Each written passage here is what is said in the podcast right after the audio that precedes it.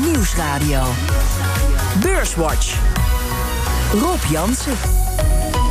Welkom bij Beurswatch, het beleggingsprogramma op de Nederlandse radio met Najib Nakat van Hof Horneman Bankiers en Ralf Wessels van ABN Amro. Welkom.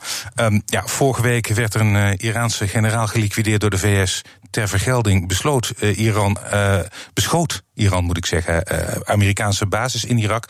Per saldo deed dat niet zo heel veel met de AEX en met de andere beurzen. Wat is jullie verklaring daarvoor? Najib, heb jij enig idee waarom dat zo spanningen nou, lopen op? Uh, nou, eerlijk gezegd lijkt het alsof de, de spanningen wat teruggelopen zijn. Uh, men was in eerste instantie bevreesd voor een escalatie van het conflict. Uh, Iran heeft denk ik wel gerealiseerd dat de kansen uh, da daarop voor haar niet zo gunstig zijn. En heeft de, de, de, reactie heel beperkt gehouden. En daar is uiteindelijk toch de beurs enigszins opgelucht over. Hmm, is ermee de kou ook wel uit de lucht op dat gebied, denk jij, Ralf? Nou, ik denk voorlopig wel het raar is dat, ze, dat Trump eigenlijk gewoon communiceert: uh, kom naar de tafel om te praten. Uh, ze hebben natuurlijk, eh, beide partijen hebben gezegd uh, duidelijk dat ze niet op oorlogspad zijn. Het is jammer dat er natuurlijk in het heetst van de strijd toch ook een passagiersvliegtuig sneuvelt. kijken we naar de wereldeconomie, dan is. Kijk, het gaat natuurlijk via de olie. En er wordt natuurlijk altijd de straat van, wat is het? Hormuz genoemd. Maar ja, die kan Iran eigenlijk niet afsluiten, want China is een grote klant. En dat is zeg maar dan hun bondgenoot. En daar moet ook de olie naartoe. En dan, als je dan kijkt, dan is de impact op de wereldeconomie uh, is beperkt vanuit de regio in het Midden-Oosten. Het was de week waarin oud-Renault-topman Carlos Ghosn verklaarde waarom hij Japan was ontvlucht. Een oneerlijk rechtssysteem. Let us not forget that I was facing a system where the conviction rate is 99.4%. And I will bet you that this number is much higher for the foreigners. En beleggers haalden opgelucht adem dat de Iraanse vergelding op Amerikaanse basis in Irak weinig uithaalde. No Americans were harmed in last night's attack by the Iranian regime. We suffered no casualties. All of our soldiers are safe and only minimal damage was sustained at our military bases. En het was de week waarin de Amerikaanse banenmarkt scheurtjes vertoont. Non-farm payrolls rose by 145,000 jobs in December, just shy of expectations. The unemployment rate unchanged at 3.5%. Now, average hourly earnings did rise by 3 cents in December to $28.32. That's a 0.1% increase over the month, a 2.9% increase over the year. Ja, vanmiddag dus die banencijfers, uh, die waren over december. We kunnen zeggen ietsje onder verwachting. Ik zag jou een beetje mild kijken, uh, Ralf. Voor jou is het uh, meer in lijn? Nou, uiteindelijk uh, voor Amerika en de banenmarkt, als dat uh, met uh, 100.000 tot 150.000 op maandbasis stijgt, en dan kan de natuurlijke aanwas op de arbeidsmarkt geabsorbeerd worden. Ja. en dat is goed. En dan voor de rest, kijk, de banenmarkt is ontzettend belangrijk, maar in principe is de arbeidsmarkt een achterlopende indicator. En binnen de aan arbeidsmarkt moet je vooral kijken op donderdag naar de, de wekelijkse werkloosheidsaanvraag. En hm. nou, die lieten weer een, een wat daling zien. Hm. want, want zeg maar die wekelijkse dat is zeg maar dan een, vroege indicator binnen de arbeidsmarkt. Ja, maar als je kijkt naar uh, de banengroei was 2019, uh, uh, zag ik voorbij komen wel het jaar met de laagste banengroei sinds 2011. En de groei is nu ook voor het eerst sinds tijden de loongroei onder de 3%. Maar voor jou ook geen reden tot zorg naar Jeep of toch wel? Uh, nee, op dit moment niet. Netto verandert dit niet zoveel aan de vooruitzichten voor, uh, voor de economie, die op dit moment uh, ook boven trend groeit. Het verandert ook niet zoveel voor de rentevooruitzichten.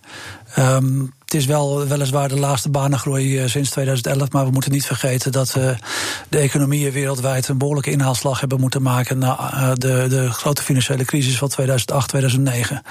Um, de werkloosheidspercentage ligt nu rond de 3,5 procent. En dat is nog steeds ja, het dieptepunt van de afgelopen 50, 60 jaar volgens mij. Dus er is niet zoveel aan de hand daar. Ja, daardoor gaat het natuurlijk automatisch omlaag. Kan niet, kan ja. niet, er zijn weinig in, mensen. Wel opvallender is eigenlijk dat dat lonengroei uh, zo laag is. Ja. Uh, en, maar goed, ja, het ligt maar net hoe je dit uitlegt. Uh, in ieder geval hoeft de Fed zich dan geen zorgen te maken over hogere inflatie of ja. looninflatie, zo gezegd, op dit moment. Maar ja, en, en, wordt het een trend? Dat is nog wel even de vraag. Hè? Precies, want consumptie, dat hangt daar natuurlijk wel mee samen. consumptie lees je overal. Dat is heel belangrijk voor de Amerikaanse economie. Maar die is voorlopig niet in het geding, die blijft wel op peil. Nou, als je kijkt, dat is niet, trouwens niet alleen in de VS zo. Daar is de consument heel belangrijk, 70% van de economie. Maar als je kijkt, het, de economische groei in het afgelopen jaar is afgenomen. Zit natuurlijk, de problemen zitten vooral in de maakindustrie. Maar eigenlijk in de VS en in Europa is het de consument die de economie heeft gedragen. Het is alleen wel zo dat die consument zal dit jaar niet net zo'n grote groeibijdrage leveren als afgelopen jaar. Dat wordt natuurlijk ook weer moeilijker. Mm, dus ook zowel in de VS als in Europa. Nou ja, dit is natuurlijk maar een cijfer van één maand. Nee, eh, maar je ziet als je de trend kijkt, de, de, groei neemt af, de, trend. Ja, ja, je ziet wel duidelijk dat we in de, in de eh, latere fase van de economische cyclus zitten. En daar mm. hoort dit allemaal bij. Ja, um, laten we even nog e-, even inzoomen op die uh, Europese economie ook. Want dan zien we twee dingen. Aan de ene kant de industrie, dat noemden jullie al, die heeft het moeilijk. Uh, zeker in Europa. En de dienstensector, die doet het eigenlijk goed. Dat bleek deze week uit Europese cijfers. Um, Eerst even naar die industrie. Die zit in Duitsland bijvoorbeeld al langere tijd in een recessie. Um, kun je zeggen, ja, je, ja, ik zie Ralf weer het gaat voorzichtig knikken. Bij, beleggen gaat het altijd om de trend. En, ja. uh, dus het is slecht dat het uh, op krim staat. Ja. Overigens was de ISM in Amerika uh, viel ook tegen. PMI ja. was daar redelijk, maar de ISM zakte natuurlijk verder. Dus dat was teleurstellend. Maar we zien wel stabilisatie. En dat is dan fijn. Dus nou, hopelijk gaat het dan, wat wij verwachten, is eigenlijk uh, dat het begin van dit jaar nog zwak uh, blijft. Gewoon weer, als ik het even over de wereldeconomie heb. En dat we richting de helft van het jaar uh, wat gaan herstellen. En in de tweede helft van het jaar wat sterker wordt. Zonder dat het een V, een V shape recovery, dus dat het zeg maar heel hard omhoog gaat. Dat verwachten wij niet. Maar denk jij, denk, denk je ook dat de bodem en uh, wel zo'n beetje gevormd wordt nu, Najib? Of ja, je ziet wel daar de eerste signalen uh, komen. Um, dus het lijkt er zeker op. We moeten niet onderschatten bovendien wat de impact van de uh, handelsoorlog tussen Amerika en China is geweest. Voor met name de Duitse economie. Ja. Um, China is een hele grote afnemer geweest van de, de Duitse maakindustrie en ook van de auto-industrie. Hm. En dat heeft uh, een behoorlijk gevolg gehad. Hm. En dat lijkt daar ook te stabiliseren en de goede kant uit te gaan. Hm. Dus dat zou nogal eens een onverwachte meevaller kunnen zijn dit jaar. Ja, stabiliseert dat? Want ik lees, ik zit me, zat me van de week eigenlijk af te vragen of er niet wat structurelere zaken zijn. Want je leest ook dat uh, de EV, de elektrisch rijden markt in China, minder hard gaat dan, uh, dan verwacht. En dat op zich vond ik dat verrassend. Dus toen dacht ik, ja, dat, daar zal dan misschien de Duitse autosindustrie uh, blijvend last uh, van houden. Hmm. Ja, nou, je, ziet, nou, je ziet sowieso dat de Chinese economie wat, uh, wat onder druk heeft gestaan van, vanwege de onzekerheid rondom de handelsoorlog. Uh, bovendien zijn er de, uh, wat fiscale maatregelen, uh, denk eind 2018, gestopt in China. Wat de auto-industrie behoorlijk geraakt heeft. Want er is heel veel zeg maar, vooruitgekocht. Nou, dat hebben we in Nederland ook gezien met de boom in, in de Tesla's eind vorig jaar. dat zijn wat het na-effecten die samen met die, met die onzekerheid rond de handelsoorlog wat druk op de, op de economie hebben gezet. We hebben wel gezien dat de overheid inmiddels uh, begin dit jaar begonnen is met wat te, te stimuleren. Dus het lijkt er alsof, alsof het inderdaad stabiliseert en wat kan verbeteren. Maar dat is positief. En ja, hoewel overigens zijn die stimuleringsmaatregelen in China niet zo groot als als we na de financiële crisis, uh, was dat uh, rond 2016 hebben gezien. Ja. Maar wat positief is wel voor de wereldeconomie, dat natuurlijk ook in de loop van het jaar eindelijk die effecten van de renteverlaging van de Fed en uh, ook natuurlijk de ECB hun bijdrage gaan hebben. Ja. Um, wat wat raar is, althans nogal wat economen verbazen zich daarover, dat als je kijkt naar die ja, neergang in de industrie, in bijvoorbeeld 2012 en 2013, als ik het wel heb, zag je dat dat ongeveer parallel ging. Dat als de industrie uh, terugzakte, dan volgde de dienstensector. Maar dat gebeurt nu niet. Um, en nou, dat is niet helemaal waar. Ze blijven nog op redelijke niveaus, maar je ziet het, het is niet meer op zulke hoog niveau zoals het was. Hm. Dat zien wij trouwens als een groot risico voor aankomend beleggingsjaar. Dat want in principe volgt de industrie de maak, of de dienstensector de maakindustrie een beetje. Hm. Uh, vooralsnog zien we dat niet, maar dat kan natuurlijk wel uh, gekomen. Want voor de consument is die dienstensector veel bepalender, ook arbeidstechnisch. Ja. Um, uh, Mario Draghi, wie kent hem nog? Onlangs afgetreden als president van de ECB. Die zei in een lezing deze week dat er japanificatie dreigt voor Europa. En daarmee bedoelt hij langdurige groei, uh, uh, lang, een langdurige periode, moet ik zeggen, van lage groei en lage inflatie. En dat vindt hij zorgelijk. Najib, ben jij er ook bang voor dat we voorlopig in lage groei en lage inflatie blijven zitten? Nou, sowieso zit er voor de komende decennia een lagere groei uh, voor de wereldeconomie in uh, domweg, omdat de beroepsbevolking minder hard groeit dan vroeger. Overigens hoor ik al uh, sinds ik in het beleggingsvak zit dat Europa geen Japan is van een heleboel mensen. Ja. Maar als je gewoon de rentebeweging ziet, volgen we Japan toch met een vertraging met een, van een jaar of tien. Ja. we hebben ook een fragiel financieel systeem, bankensysteem in Europa. Dat is wel wat aan het verbeteren. En, en een behoorlijke vergrijzing. Uh, het belangrijkste verschil, denk ik, met Japan is, is dat daar nauw sprake is van uh, immigratie en in Europa nog wel. Hm. In, uh, in, Japan krimpt de beroepsbevolking. En dat is ook vrij hard gegaan de laatste 15, 20 jaar. Um, in Europa is dat niet het geval. Dus per saldo zou er voor Europa nog altijd een hogere groei in, in het vat moeten zitten dan, uh, dan Japan. Ik denk dat het grootste probleem is voorlopig is dat de, de fiscale stimulans nog altijd uitblijft. En dat het alleen maar moet komen van monetaire uh, politiek. En daar zit Draghi denk ik ook nog steeds mee. Ja, dat zei hij. Hij zei de, de uh, gereedschapskist is eigenlijk leeg voor centrale banken. Um, en dat betekent dus in feite dat overheden aan zet zijn, Ralf, om de economie te stimuleren? Ja, in principe wel. Fiscale stimulatie. Nou, we hebben daar uh, naar gekeken. En eigenlijk de landen die er ruimte voor hebben, Nederland en Duitsland onder andere, daar hoeft het economisch niet zo. En uh, landen waar het uh, wel moet, die hebben de ruimte niet zo. En ja. dat zijn dan voornamelijk uh, de zuidelijke landen. Dus dat is een beetje de spagaat. En ja, het kan niet alleen van financiële of van, van, centrale banken komen.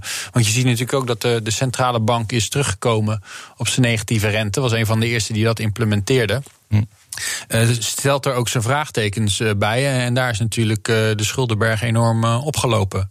Ik wilde nog wel, als het mag, even ja, terugkomen tuurlijk. op dat Japan. Want natuurlijk, zeg maar, de demografie van het ouder worden, dat hebben we in Europa ook. Maar wat Europa ook heeft, is dat Japan na de crisis heeft er heel lang, een decennia over gedaan. Uh, voor, zeg maar, voordat het zeg maar, de bedrijven ja, ging reorganiseren. Mm. En als je kijkt natuurlijk naar Europa met zijn banken. Ja. Dat, uh, hoe lang zijn we onderweg? Al meer dan, uh, of na tien jaar. Maar ja. dat komt eigenlijk ja, heel langzaam, maar ook niet zoals in de VS, dat ze gewoon in het begin de pijn hebben genomen, herkapitaliseren en minder banken. Want dat is natuurlijk in Europa nog steeds wel een issue. Ja, dus dat blijft een beetje een, een zorg. Uh, ja, nou ja, een, een, een, een, een leningverstrekker of een geldverstrekker als een bank is toch uh, het cement van de, van de economie. Dus dat heb je nodig. Ja. U luistert naar Beurswatch met Ralf Wessels van ABN Amro en uh, Najib Nakat van Hof Horneman Bankiers. Eerst maken we even, we gaan natuurlijk verder, maar we maken nu eventjes de balans op van afgelopen week. De AEX die sloot op 610,4 punten. En dat is 0,1% lager dan vorige week. Stijgers. De grootste stijger deze week was Prozus met een plus van 7,7 procent. Op 2 ASR kreeg er deze week 4,8 procent bij. En op 3, we zien hem er niet vaak staan, Heineken met een plus van 2,1 procent. En de, het midcap aandeel dat het best presteerde deze week was ASMI met een plus van 5,4 procent. Dalers. Op 1, Unibuy Rodamco Westfield, het vastgoedfonds, verloor in de weektijd 7 procent. Op 2, DSM verloor 4,6 procent deze week. En op 3 ArcelorMittal. Die zien we wel vaker in dit uh, soort lijstjes. Een min van 2,2 procent.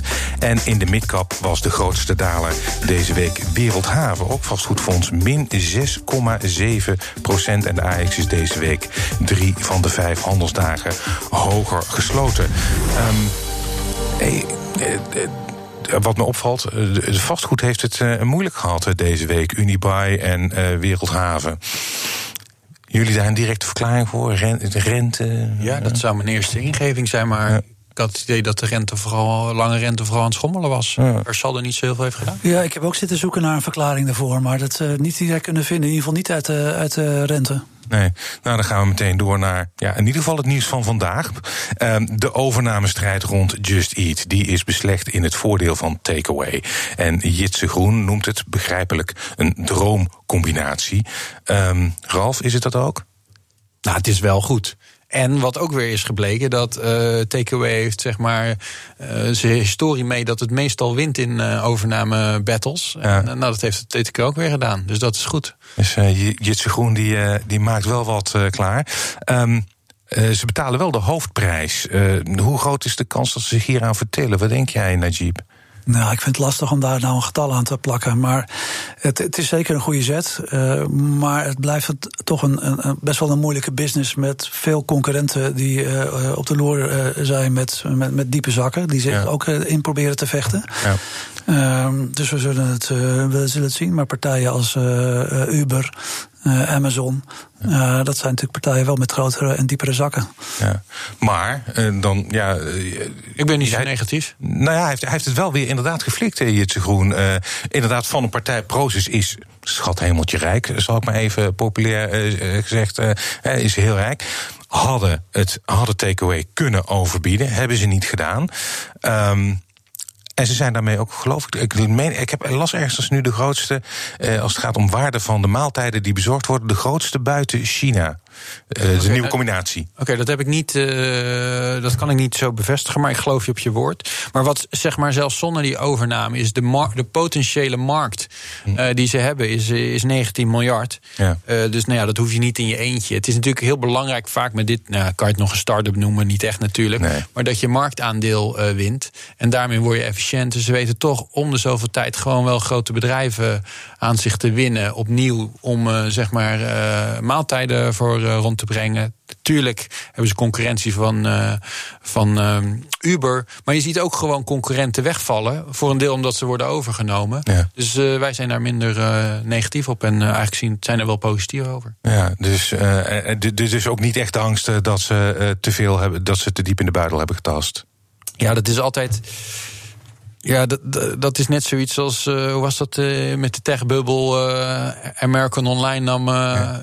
voor 50 miljard, ik ben even de naam kwijt, en nam het over. En achteraf ja. kan je altijd zeggen, het is te veel. Ja. Uiteindelijk past het in het businessmodel. En dat, dat voorbeeld wat ik net gaf van American Online was dat niet. Dus ja, dan is het gewoon goed voor de toekomst, denk ik. En ja, dan moet je het gewoon op een gegeven moment wel terug kunnen verdienen. Koopwaardig? Uh, nee, ja, wij, wij zijn er positief over. Ja, Het is wel jammer, vind ik dan. Want het is inderdaad een uh, uh, ja, toch vrij staaltje Hollands ondernemersgeest. Maar het aandeel, het hoofdkantoor blijft in Nederland, maar het aandeel gaat helaas verhuizen naar Londen. heb ik gelezen. Um, ik wil met jullie verder praten over ASML. Die wil heel graag een hypermoderne machine leveren aan China. Deze week werd bekend dat Amerika daar tegen is en een exportvergunning is nog steeds niet gegeven. Um, en tegen de 20% van de omzet van ASML komt uit China.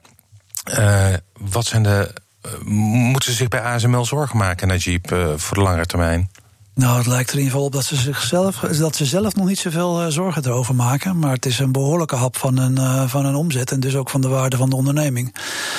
Het is voor ons lastig te, te zien of dit nou een onderdeel is van het spel in de handelsoorlog. Um, of dat het echt serieus uh, doorgedrukt uh, gaat worden. Mm. Want uh, je ziet wel dat er, ja, er is een dreiging van een splitsing van het internet, zeg maar. Van verschillende standaarden. Eén voor zeg maar, China en, en, en, en de geallieerden van China en, en het Amerikaanse model.